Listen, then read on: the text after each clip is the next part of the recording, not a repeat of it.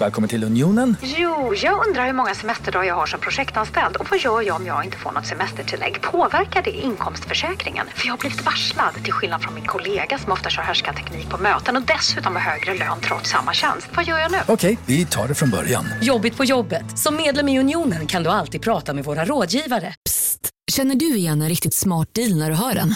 Träolja från 90 kronor burken. Byggmax. Var smart. Handla billigt.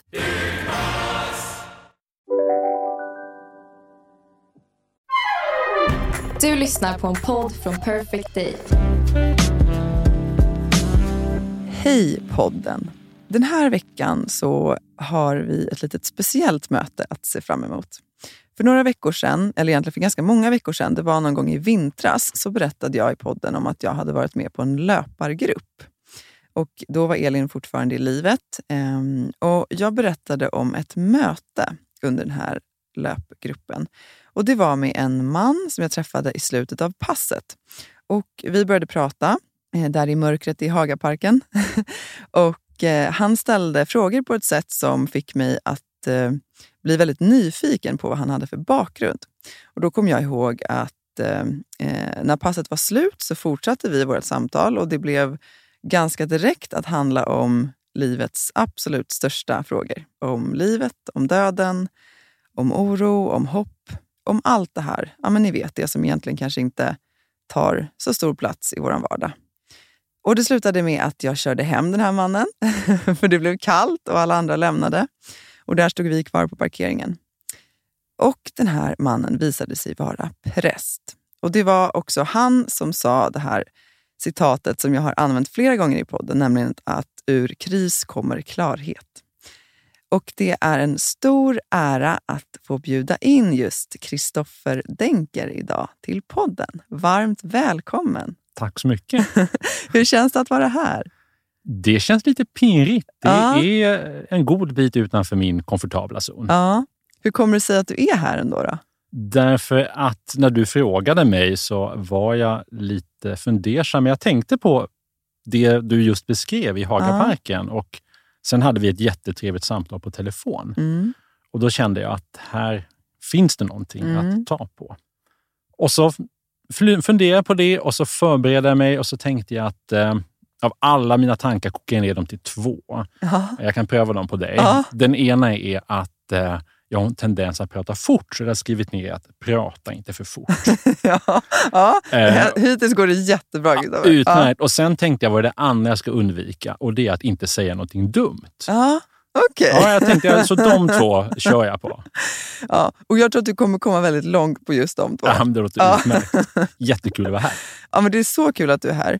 Och Det som är också så fascinerande är att jag vet ju inte så mycket mer om dig än att du uppenbarligen tycker om att springa.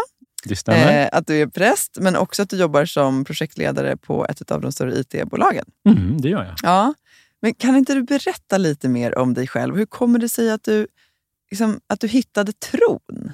Oj, jag tror att jag delvis hade med den som barn. Ja. Eh, en barnatro till att börja med. Jag gick i kyrkans förskola mm. och så, så jag har nog med det därifrån.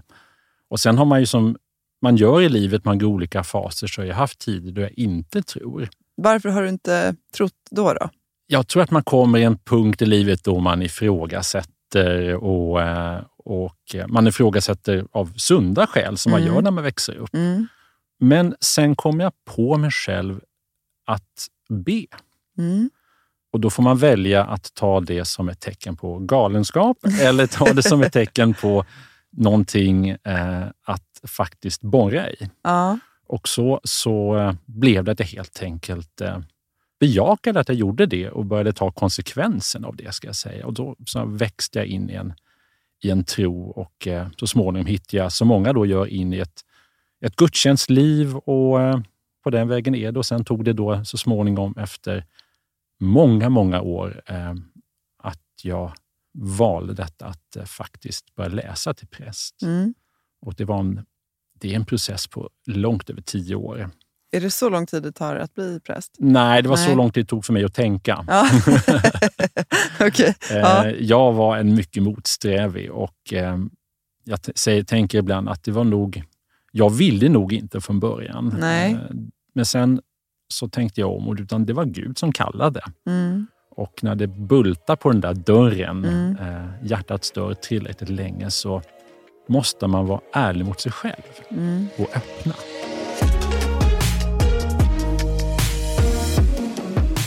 Om du sa att det- här avsnittet så ska du försöka avhålla dig från att säga någonting dumt. Och då kan jag säga att jag kommer stå för det i det här avsnittet. För att jag ska börja med att säga det då att jag är, jag är ju inte troende. Eh, och jag är faktiskt inte ens, jag tillhör inte ens Svenska kyrkan.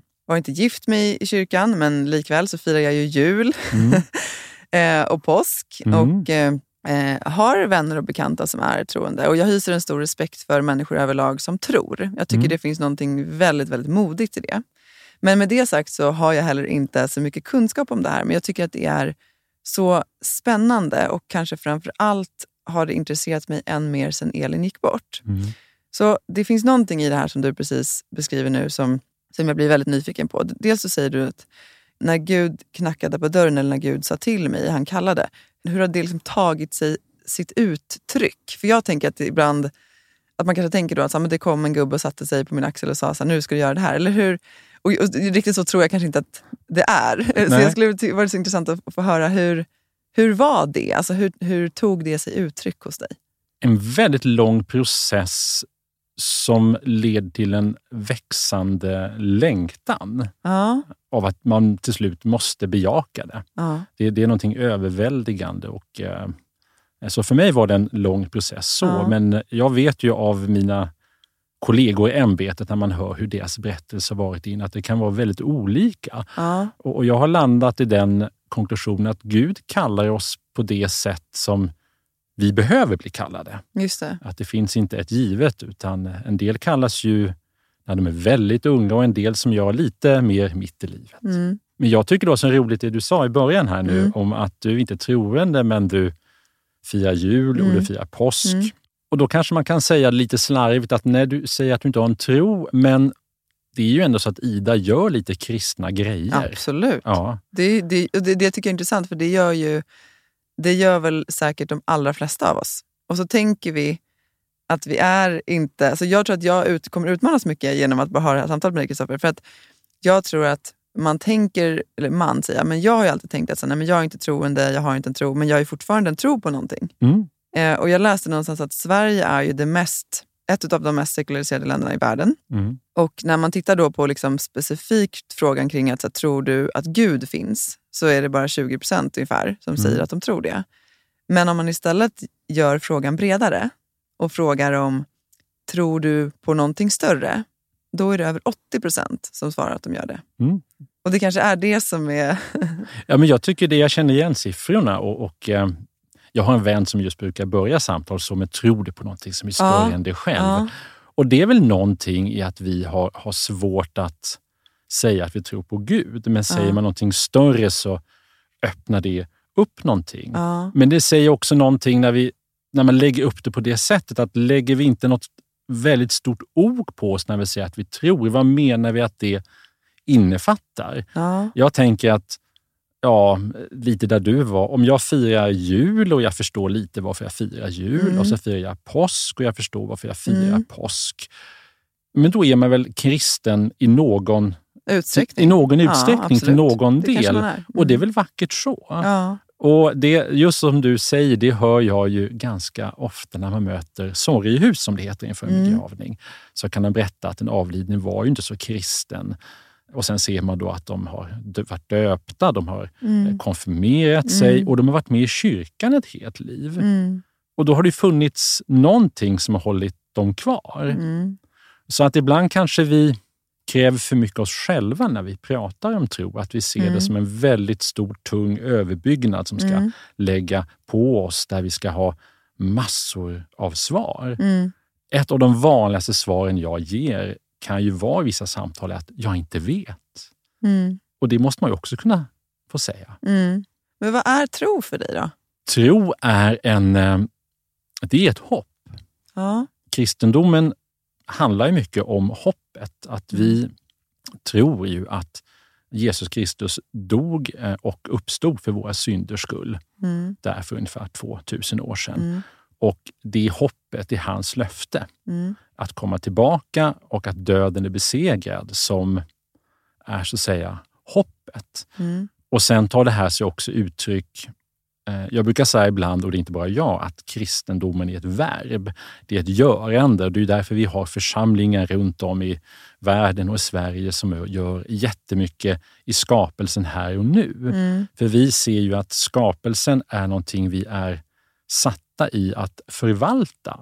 Och med skapelsen, alltså du menar du liksom det livet vi har? Jag nu? tänker den här ja. poddstudion, Ja. jag tänker livet utanför på gatan. Ja. Jag tänker att när vi firar gudstjänst så vi är där och sen finns livet också utanför. Mm. Den sista delen i en gudstjänst kallas för sändning. Ja. Och det handlar just om att nu är vår gudstjänst i kyrkorummet slut. Mm. Nu fortsätter livets gudstjänst och vi sänds ut i den skapelsen, i den verkligheten Mm. under veckan. Mm. Och jag tänker också att så här, ja, men jag tänker så här, du, säger att du kom på dig själv att be. Och jag brukar ofta tänka, jag själv har ju oftast jobbat med så manifestationer. Mm. Alltså att jag, om jag vill ha någonting av mitt liv eller om jag vill styra mot en viss riktning så har jag väldigt liksom tydligt, jag brukar tänka att jag sänder ut det till universum. Inte att jag säger kanske uttryckligen, jag, eh, snälla låt det här hända. Utan jag, jag brukar säga, jag vill att det här ska hända. Jag tänker få det att hända. Mm. Och sen försöka liksom manifestera och se det framför mig när jag är där. Och Det har ju oftast varit kanske då inom, så här, inom liksom den yrkesverksamma banan men, men också i övriga delar av livet. Men är, skulle du säga att det är liksom en typ av bön? Ja, det är ju en längtan efter någonting. Mm. Och du formulerar det på ett annat sätt. Men visst, du sänder ut någonting som du säger. Du vänder dig någonstans med din eh, längtan och din förhoppning. Mm. Och i min värld är det att, det är att formulera en bön. Mm. Mm, och sen av det du sa tidigare förstår jag att du är inte personen som kommer formulera det som att säga eh, rikta en bön till Gud. För, för det är inte där du befinner dig i någon form av tros eh, eh. Mm. Men visst, någonting gör du ju. Mm. Och det är som du själv sa innan, du, du tror på någonting som är större än dig själv. Mm. Jag tror ju att, eh, för det är en sån där sak som, jag kan liksom avundas dem i min, jag, kanske inte, jag har inte några så här, i min direkta närhet som liksom är väldigt troende, men jag har ändå bekanta som är det och jag kan avundas dem Mm. eh, det på något sätt. Ehm, för att det finns ett lugn över, nu säger jag er, men det, det finns oftast ett lugn hos människor som tror, upplever jag, att ehm, det finns en trygghet i att så här, vi kommer ses igen. Och jag önskar ju att jag väldigt starkt skulle kunna känna att så här, men jag, jag, jag kommer träffa Elin igen. Mm. Jag hoppas innerligt det, men jag kan inte säga att jag liksom with all my being känner det. Jag, jag tror att det finns någonting större som jag inte liksom, i mitt nuvarande state inte är kapabel att förstå. Eh, att mitt medvetande inte liksom är moget nog för att förstå det. Men att jag en dag kommer kanske uppleva det.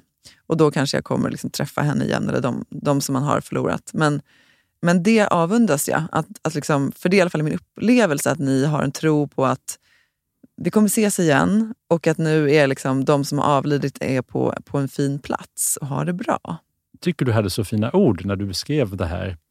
Men är det inte hoppet du sätter ord på? Jo, det kanske det är. Hoppet om att få se henne igen, är det Ja. jag tänker? Ja. Och det är väl kanske skillnaden på att vara optimist. För en optimist, då utgår man ju från någonting man känner till.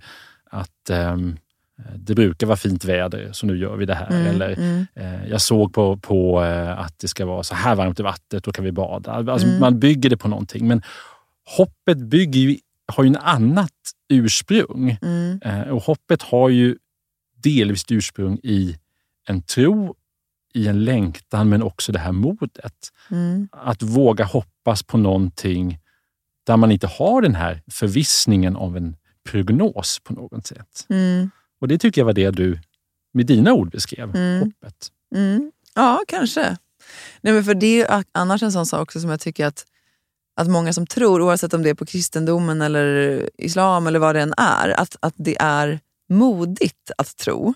Just eftersom Mm. vi inte vet. Ja. Alltså, ingen av oss som går här nu kan ju med säkerhet säga att vi vet vad som händer sen. Nej, precis. Och då kan jag också tycka att det finns ett väldigt stort mått av mod i att säga att så här, men jag väljer att tro på att det finns någonting mer. Mm. Jag väljer att tro på om det är Gud eller vad det än är. Jag väljer att tro på det och det tycker jag, det inspirerar mig. Mm. Eh, och jag tror att när jag var yngre så kunde jag vara mycket mer liksom, kategorisk i det. För det är lite så vi lär oss också. Att liksom, vi ska separera saker och ting. Och antingen är det för kyrkan eller så är det mot kyrkan. Eller antingen är det religiöst eller så är det inte det. Att vi, väl liksom, vi pratade om det på telefon också. Att Mm. jag, och, och det blir ju ofta snabbt att man hamnar i den ena eller den andra follan. Liksom. Men tack och lov så har jag också, äldre jag har blivit, blivit mer klokare. Eh, och snarare sett att jag tror inte att man är så olik andra människor bara för att man tror på, på olika gudar eller olika universum eller vad man nu vill kalla det. Utan att vi nog alla är egentligen ganska lika. Ja, om man återigen tar de stora världsreligionerna så finns det ju eh, klara beröringspunkter. Mm. Eh, för det finns på något sätt livsinställningar som är eh, universella. Mm. I kyrkan talar man om den gyllene regeln som, eh, som går ut på att du ska behandla andra som du själv vill bli behandlad. Mm. Enkelt uttryckt. Och den finns ju i fler religioner. Mm. Därför att det är en ganska bra idé helt enkelt. Den är ju så vansinnigt bra. Ja. Alltså, den, säger vi, den säger vi redan till våra barn som är Ja. liksom tre och sex. Och det är klart att en sån god idé har ju man kommit på på massor av ställen i världen. Ja. Eh, Och därför finns den i olika språkdräkt i väldigt många världsreligioner. Mm. Jag tänker också att eh, alltså religion och, och kyrkan också många gånger står för det här sammanhanget. Mm. Ja, på samma sätt som nu vi, vi pratade om för, i förra veckans avsnitt om Elins begravning. Ja. Och Elin var ju inte egentligen kristen, men, men likväl så, jag vet som för, för mina föräldrar så var det ju självklart att hon skulle få en kristen, kri- eller Mm. kristlig, hur man nu säger, eh, Mm. begravning. Och det var det nog egentligen för mig också på något sätt. Mm. Även om jag kanske inte, liksom, jag, jag kanske hade Alltså det blev väldigt fint oavsett eh, vad, liksom, vad man tror på eller inte. Och det var ju väldigt många där inne som trodde på väldigt många olika saker. Ja. Eh, men det kanske inte var det som det var ju absolut inte det som liksom genomsyrade begravningen. Utan det var ju liksom kärleken till henne och hyllningen. Och någonstans också ja, men hoppet om det livet som vi som är kvar har. Eh, och och liksom vikten av att fortsätta förvalta det på något Mm. sätt. Eh, mitt i all liksom, sorg och saknad.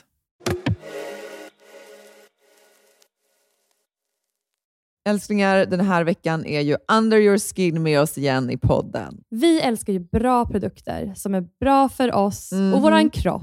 Och Det är ju faktiskt så att alla Under Your Skins produkter är naturliga, veganska och ekologiska. Och det här är det bästa.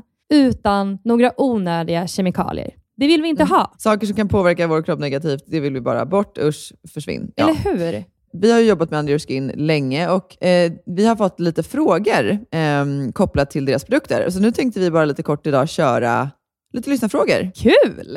Eh, en fråga vi har fått är ju hur snabbt minskar håravfallet från och med att man börjar använda eh, ja, men hair growth kit? Ja, just det. Alltså, precis, för de har ju ett eget hair growth kit. Jag använder ju den och har använt den nu eh, ett bra tag. Och jag var tvungen att faktiskt gå in och kolla på deras hemsida vad de skrev. För min upplevelse var ju att det, det minskade bara redan under första veckan. Det gick jättefort från att jag kunde känna skillnad när jag borstade håret på hur mycket hår som fastnade i borsten. Då har jag ju såklart också kikat och det är ju faktiskt det också som de själva rapporterar. Att det ska gå så fort om det inte är så att man har någon särskild diagnos. Ja, såklart. Ja, men gud Ja, vad grymt. och, ja, men, så det är en sån här sak som att ja, men det som man borstar, då ser man ju hur mycket som kommer på borsten, men också, alltså, man skulle till och med kunna typ, så väga håret bara för att se ja. skillnad. Jag märker jättestor skillnad. Ska eh, vi vi har ta- en till lyssnarfråga, Ja, eller men, hur? ja, men exakt. Eh, har du någon? Det här är en fråga som jag tycker är skitbra. Det är så här, kan man kombinera hair growth serum med detox shampoo och balsam? man kan såklart kombinera så som man önskar. Men om man vill ha bäst effekt eh, vad gäller liksom håravfallet eh, och hair growth, så ska man ju såklart använda hair growth-kittet hela vägen. All the way. Mm. Det är ju sammansatt för att få bäst effekt, om man säger så. Vi har en kod, kära ni. Lyssna nu, spetsa öronen. Eh, med koden SHOES20, eh, då får man alltså 20% eh, rabatt på underyourskin.se. Och det här erbjudandet gäller till och med 12 maj. Så in och fynda och se ert svall växa. Oj, oj, oj. Sommarsvallet. Ja, sommarsvallet. Tusen tack Under Your Skin. Men jag tänker också på det som du sa om, om omsorg. För det är ju annars en sån sak som jag själv har blivit ganska imponerad av när det kommer till de som jag känner som är troende. För jag, ibland har jag tänkt så här, undrar om den där personen är troende. Eh, för att liksom, jag har ibland mött människor som, är, som har en annan nivå av omsorg. Mm. Som jag upplever liksom, ser människor alltså på, på djupet. Eh, och Mm. liksom, ofta sträcker ut en hand och frågar om man kan hjälpa till, även om man liksom inte är liksom sådär nära. Och det har varit alltså, många gånger synonymt för, för människor som är troende. Och jag tänker på i ditt, ditt liksom jobb som präst då. Du måste möta så otroligt mycket olika typer av människor. V- vad, är det liksom, vad är det folk generellt sett liksom söker omsorg för? Nej, men det vi pratar om hittills, då, vi- du har ju din podd, jag lyssnar på din systers och din eh, Mm. avsnitt om begravning. Jag blev så, det lät som det var en väldigt fin begravning. Ja, de är helt Och eftersom jag ju är lite då yrkesskadad så lät det ju också som att församlingen där ni hade det med musiker och präst och annat hade varit väldigt lyhörda så att det här blev på ett eh, fint sätt. Ja, det, det upplevde vi också. Det fanns en ganska stor flexibilitet. Ja, och det Ja. gjorde mig jätteglad för då Ja. känner jag att jag har kollegor som gjort ett gott jobb och då blir jag stolt för min Ja. kyrka. Men kyrkan, det här är ju någonting väldigt synligt när man har en gudstjänst, en begravningsgudstjänst eller en dop eller vigsel eller Mm. Men mycket av det som en församling gör, för det är ju församlingar där det händer så att Mm, säga. mm. Eh, Det är ju där det, verksamheten sker. Där sker ju också mycket, ska man komma ihåg, i, eh, i mer tysthet. Mm. Eh, Det kan handla om samtal, det kan handla om nu när det är tuffa ekonomiska tider, om att ge ekonomiskt stöd. Det kan vara matkassar. Mm, Vi har ju väldigt duktiga och kompetenta människor inom eh, det som vi kallar diakoni, som helt enkelt är kyrkans sociala eh, omsorgsarbete, som är väldigt professionella på det här. Och det här är ju någonting vi inte pratar så mycket om, för det är Mm. människor i någon form av nöd som kommer och söker hjälp och då, Mm. det gör man naturligtvis i, eh, på ett annat sätt. Det lägger vi inte ut på Instagram. Mm. Eh, och Det kan vara gott att tänka på att vi Mm. gör och möter väldigt många i det tysta. Mm. Och att så mycket församlingsverksamhet pratar vi inte om. De människor vi möter i själavård, eh, de människor vi möter i sorgegrupper, eh, i den diakonala verksamheten som kan vara en träffpunkt för människor som är ensamma. Mm. Eh, Det finns församlingar som jobbar med missbruksproblematik. Eh, Det finns det. väldigt mycket sånt som händer men som inte så säga är så synligt alltid. Mm. Och vad, är, liksom, vad, vad skulle du säga är kyrkans viktigaste funktion i de sammanhangen? då? Jag vet inte om det finns en viktigaste funktion. Jag tror ofta att det handlar om att möta, se och bekräfta de som kommer. Mm. Vi kan ju få möta människor som är lite vindpinade av tillvaron, om jag får säga så. Mm. Som inte har haft det så lätt. Vi möter människor som är ensamma väldigt mycket. Mm. Och då kan ju omsorgen helt enkelt vara... Det behöver inte vara så dramatiskt. Det kan vara att sitta ner med en person och så bjuda på en kopp kaffe och man äter en smörgås och pratar en stund. Det, Ibland måste det inte vara mer dramatiskt och mer Mm, större än mm. så. Eh, Men mycket av det vi gör innefattar ju naturligtvis en måltid och kaffe och Mm. eh, att se och bekräfta och lyssna på Mm. människor. För ensamheten är ju enormt stor. Ja, den är verkligen det. Ja. Jag tycker det är också det är väldigt fint att du säger så här, det, behöver inte vara mer dramatiskt än så och att det kan vara små saker. Men det är också en sån... Jag, jag tänker mycket på det med eh, min systers resa. Att det var ju oftast det som...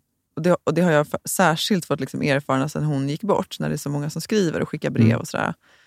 Att det var just liksom hennes förmåga att även i de mörkaste stunder finna hopp Ja. och kunna känna en liksom lycka och glädje och någon typ av tillfredsställelse i att sitta och äta den där mackan.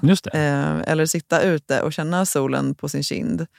Och det är väl egentligen kanske det du beskriver också, för att många gånger så handlar det ju inte om att det måste vara drakoniska åtgärder för att man ska få känna ja, men det här som du hela tiden har kommit tillbaka till, hoppet. Nej. Utan att man kanske blir lyssnad på eller sedd. För det blev för mig en väldigt tydlig uppenbarelse. Nu ska, nu ska jag försöka så här, äh, säga det här på rätt sätt utan att jag liksom gör ner någon. Men det jag upplevde när Elin gick bort, så var det att liksom många i vår direkta närhet, men också människor liksom betydligt längre ifrån, visade på sån enorm kärlek. Och jag blev ibland stoppad av människor på gatan som bara sa jag vill bara ge dig en kram. Eh, jag har liksom mött på en annan nivå. Eh, jag har alltid trott väldigt gott om människor. Jag, liksom, jag har svårt för idén att så här, det finns onda människor. Jag tror att alla, det finns gott i alla. Sen hamnar vissa människor fel, får fel förutsättningar eh, och, och då blir det fel. Men att liksom, i grund och botten så är vi alla goda. Och det är någonting i det som också har blivit så, så här, Dels har jag känt mig väldigt tacksam över det, att jag fått erfara det. Men sen finns det också någonstans en liten sorg i det. Att jag tänker att, tänk hur många människor som är liksom ledsna och ensamma och inte blir sedda. Och hur lite det egentligen krävs för att det ska kännas så mycket. Mm. Jag, jag, sa det i avsnittet när eh, jag hade Björn som är psykolog inne, med bara det här med att men vi har haft vänner som har bara kommit ut och ställt en gryta utanför dörren. Just det. Eh, vi hade en granne som kom över med ägg. oh. ägg så det var ju förargligt. Mm. Men, men det var liksom för hennes egna höns. Och du vet, liksom hela, alltså hela spektrat från så hur man, alltså det här med omtanke. Och det har fått mig att tänka, så här, men gud, jag vill vara mer så mot människor i min omgivning. För att så stora uppoffringar har det ju inte varit för dem egentligen, men det har betytt extremt mycket för mig och min familj. Ja. Och det är en fin insikt på något sätt.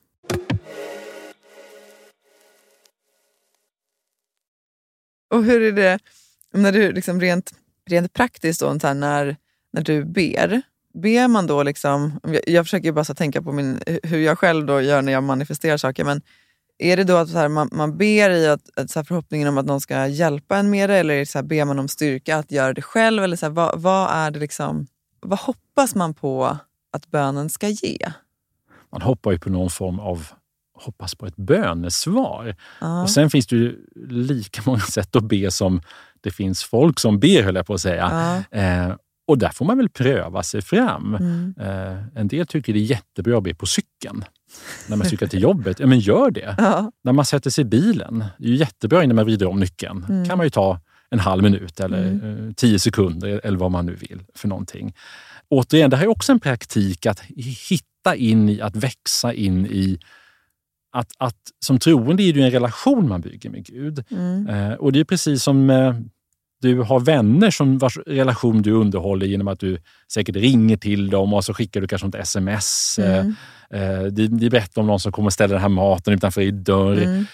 Och jag tänker att relationen vi har med Gud måste ju vårdas också med att man, man, man underhåller den. Mm. För det vi förstår är att Gud vill och söker oss, men tränger sig inte på. Jag får så att säga svara, jag får ju också höra av mig, så att säga, om man får mm. uttrycka lite slarvigt. Mm. Och bönen är ju ett hjärtas samtal. Mm. Och ett sätt är ju att hitta någon form av rutin för det, som med allting annat. Precis som du säkert har en rutin för när du går och tränar mm. och vad du gör. Ja, inte längre. Men inte längre. Ja, nej, men du ser, då har du förbättringspotential där också. Ja.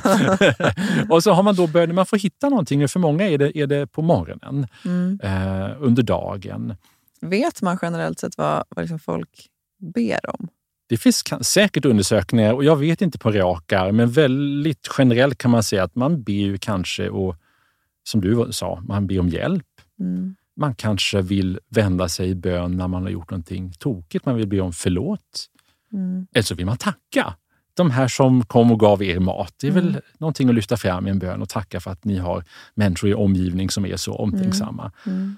Så tacka för saker, be om hjälp, förlåt. Det är väl tre så att säga, stora mm. eh, rubriker så att säga, mm. där mycket faller in. Under. Ja, ja, det gör det ju verkligen. Men man kan be om konkreta saker. Man kan man kan väl be om ett nytt kylskåp om man behöver det. Nej, men, men så säger jag, det, ordet är fritt. Ja. ja, det är väl bra. Och för, för den absolut liksom så här, svåraste frågan när man själv då inte så känner en, eller som, som för mig då, som inte känner en så väldigt stark övertygelse om att döden inte är eh, liksom ett avslut. Mm. Hur ser du på döden? Vad är döden för dig? Jag tänker, och nu blir det mer personligt, ska jag säga. Ja. Jag tänker, men då försöker jag kanske tänka så här, var, var finns det ett gudsmöte idag i den värld vi har? Och i kyrkan så är ju det till exempel i nattvarden. Mm. Där möter vi Gud i brödet och vinet.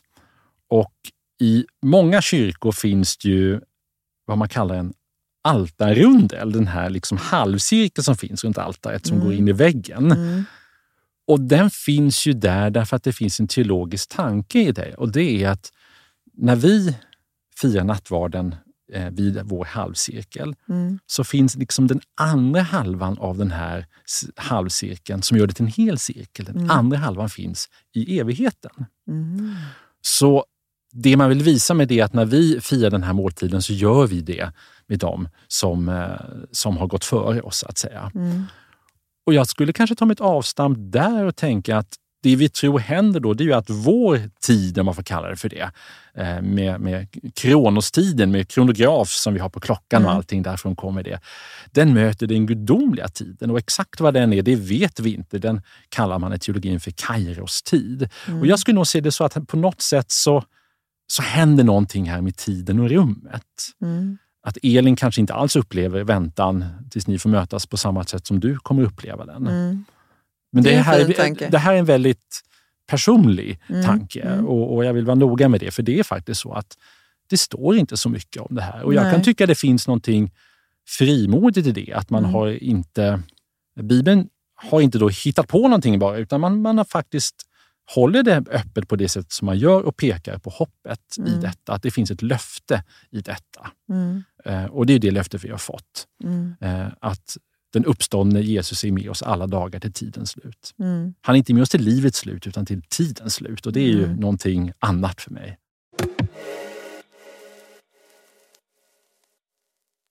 Det jag blev intresserad när du ringde mig och berättade lite om din podd och hur du har svängt om lite den Mm. eh, efter Elins död. Det fick mig att tänka på hur, hur, du, hur du faktiskt också gör en kristen grej. Okej. Eh, nämligen att du tar och försöker hitta och göra någonting gott av konsekvensen av en tragisk händelse.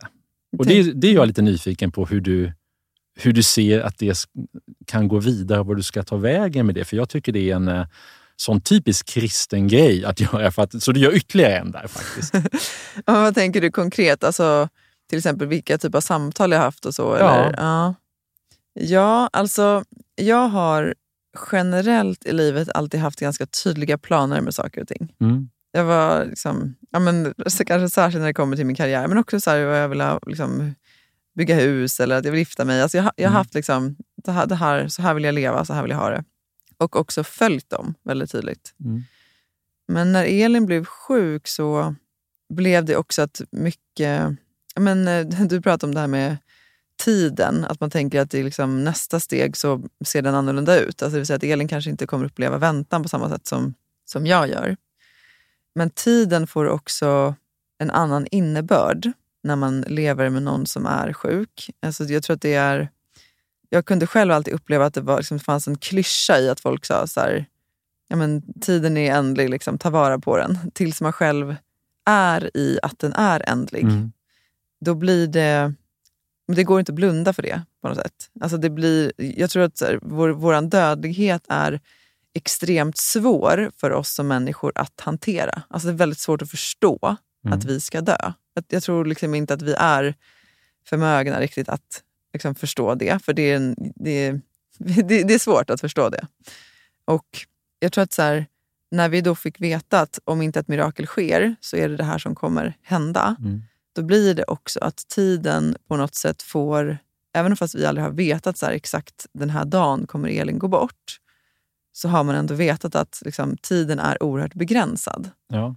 Och det har gjort någonting liksom, i mig, eller för mig, att jag har tyckt att jag i mitt liv hittills har varit sann och valt och styrt mot det som liksom, mitt hjärta brinner för. Eller ja, men det som har fått liksom, min eld att brinna. och sådär. Men, men när allt ställs på sin spets så blir saker och ting blir väldigt mycket tydligare. Så för mig har det då liksom varit egentligen, jag vet att många kanske säkert ser det som så här jättestora liksom, beslut av att jag inte alls jobbar på samma sätt som jag gjort tidigare. Och, och jag sa upp mig i vintras till exempel. Eh, Jag har slitit hund i hur många år som helst för att jag skulle ta mig till ledningen, ledningsgruppen och, och liksom vara chefsjurist och, och har tyckt att det har varit superkul.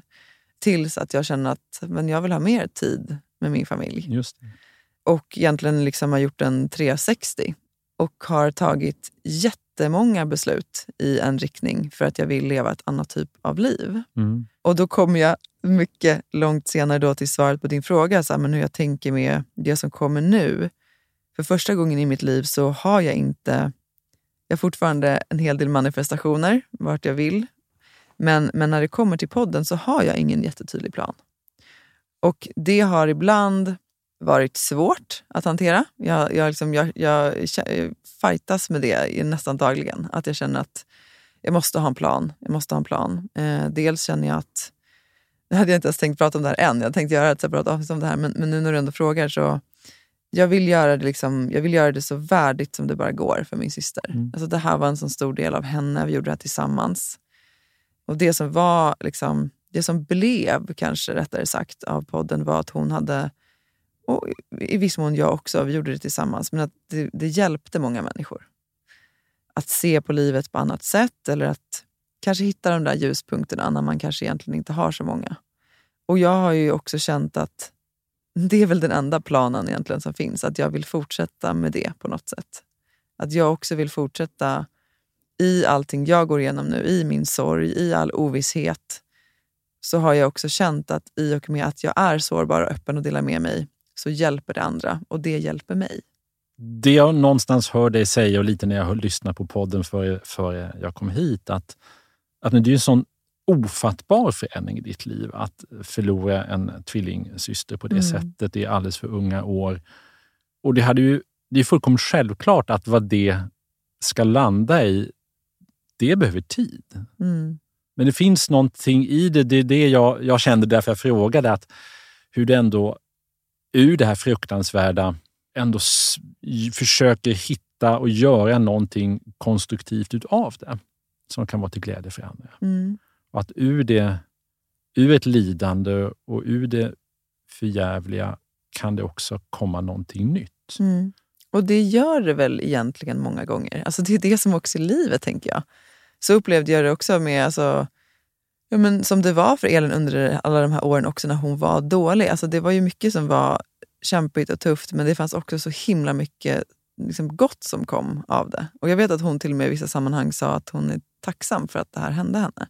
Och det låter helt banalt. Jag vet att liksom, det är sjukt och det är klart att hon inte hoppades att det skulle sluta så här. Men det var någonting i att saker och ting blev som det blev som fick henne att se på livet med en helt annan klarhet. Mm. Och det är jag ju tacksam för som syster att hon fick uppleva. Sen hade jag ju önskat att hon hade fått uppleva det i en, liksom, i en lång livstid, såklart. Men det finns ändå någon typ av... Ja, men det, finns, det, det kan jag känna liksom ett visst typ av lugn kring. Att hon ändå fick känna det. För det känns ju som att vi går genom ett helt liv utan att kanske faktiskt känna oss levande ibland. Så kan det nog vara ibland. Men livet har de här skiftningarna och det händer fruktansvärda saker. Och det är ju också en del av den värld vi lever i, att, att acceptera att det här finns. Mm. Men, men det är också en del av, av livet att detta, och det jag tycker med din podd och du pratar om manifestationer och så, att Mm. som jag ser det har ju lidandet ingen mening i sig. Nej, Eh, Men en konsekvens av lidande kan vara att någonting händer. Mm. Men Jag tänker som så många människor som går omkring och säger det, att man är, man är ensam och eh, det finns många som inte mår bra och sådär. Är liksom, är din, vad är din upplevelse att tron gör för de människorna?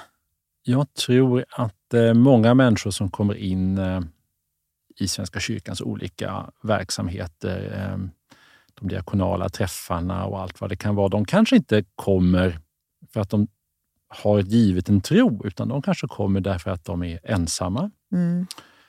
Men de vet också att när de kommer in där så kommer ingen att hoppa på dem och fråga och vad tror du då?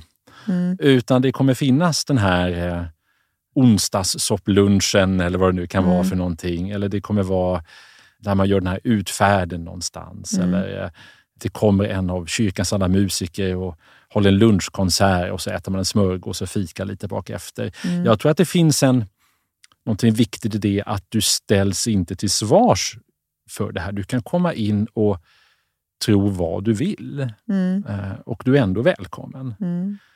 som kyrka så gör vi saker för andra människor, inte för att de är kristna, utan för att vi är kristna.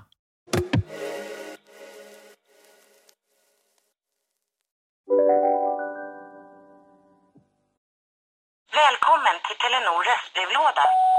Hej min fina fina mamma. Kan inte du snälla swisha mig för fika? Älskar dig, puss puss. För att repetera detta. Hej min fina fina mamma. Spara samtalet när du förlorat den som ringde på telenor.se calls.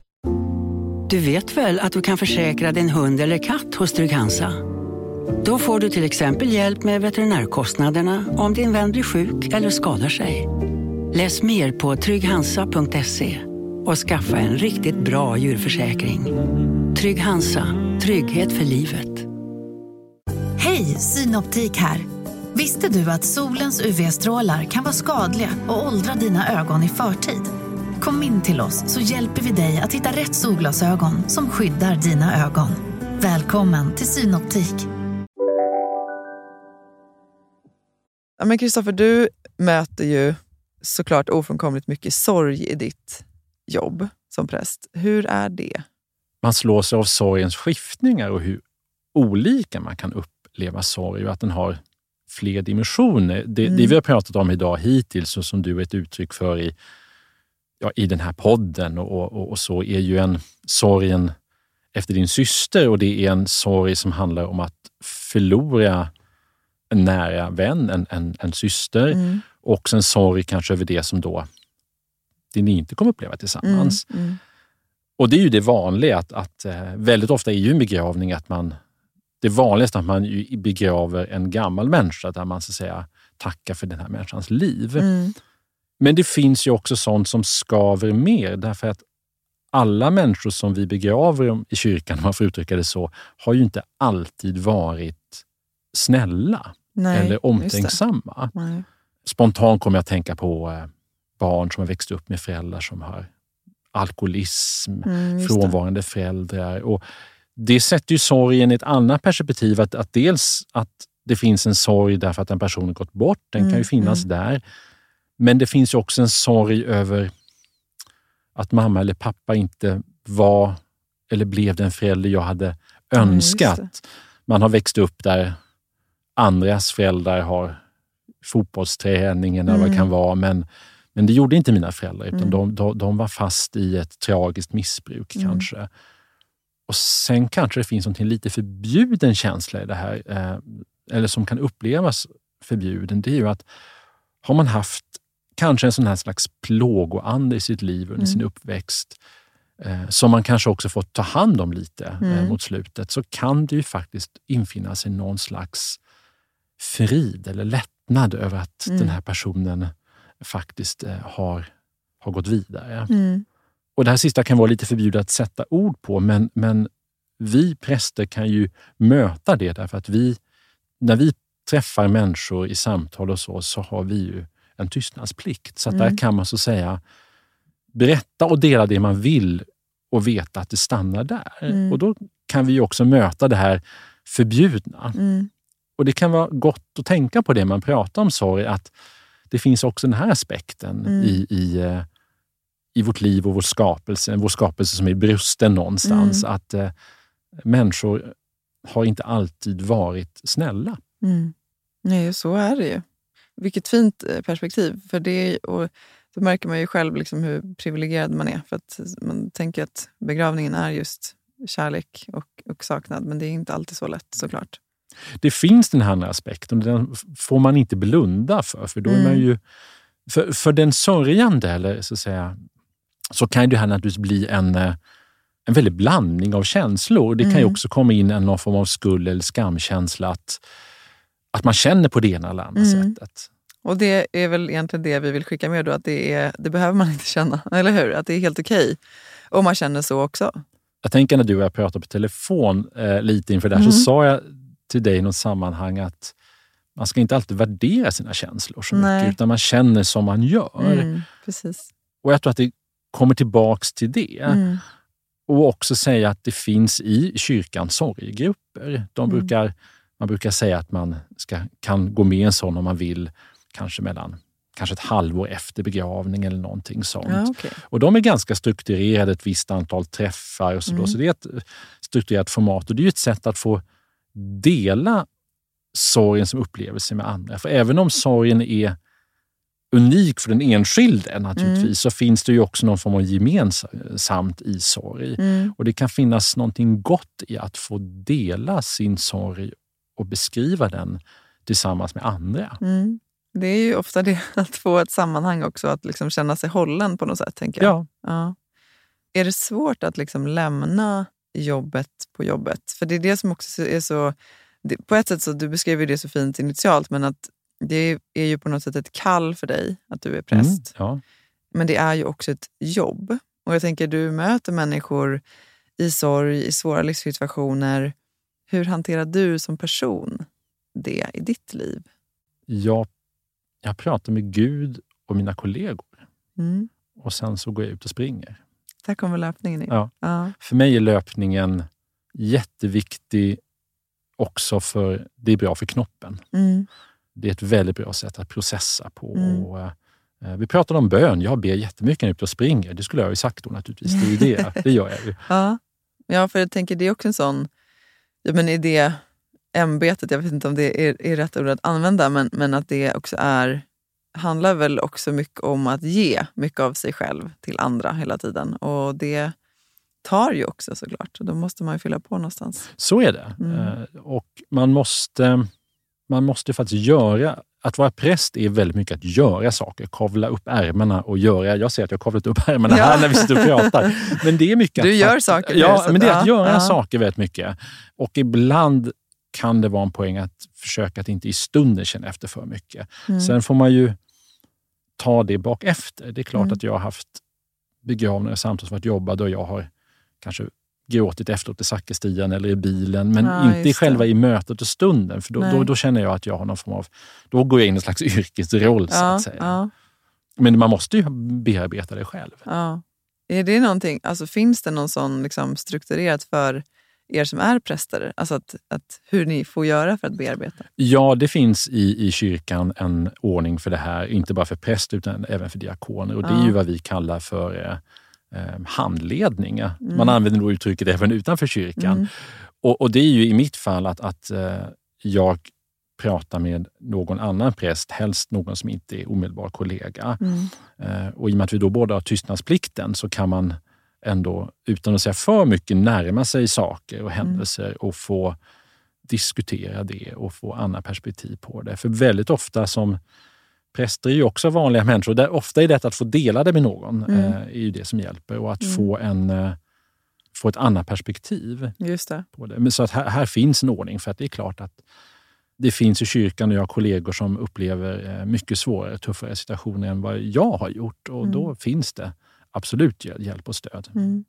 Vad, känner, liksom, vad händer i dig när du känner att du får hjälpa en annan människa? Man känner att nu var jag på rätt plats. Mm. Kan du inte berätta om ditt möte på vägen hit idag? Just det, då får vi avslöja att du var lite sen hit. Ja, men det är ingen som kommer bli förvånad. Nej, ehm, och, ehm, så då valde jag att kliva av i en annan tunnelbanestation och Mm. eh, ta en lite längre promenad genom stan hit. Och, ehm, Jag ber om ursäkt.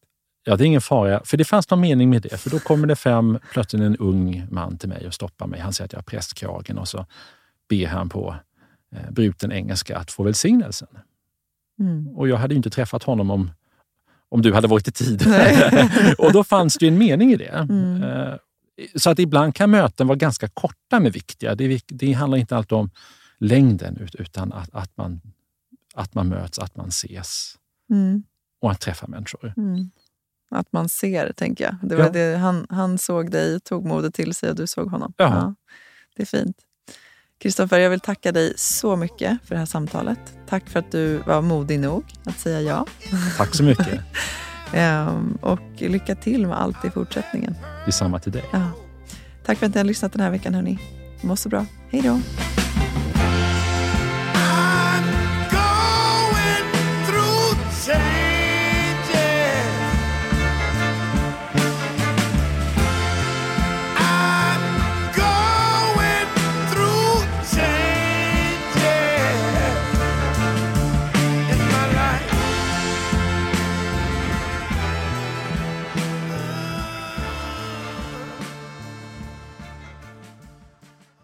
Här podcasten är producerad av Perfect Day Media.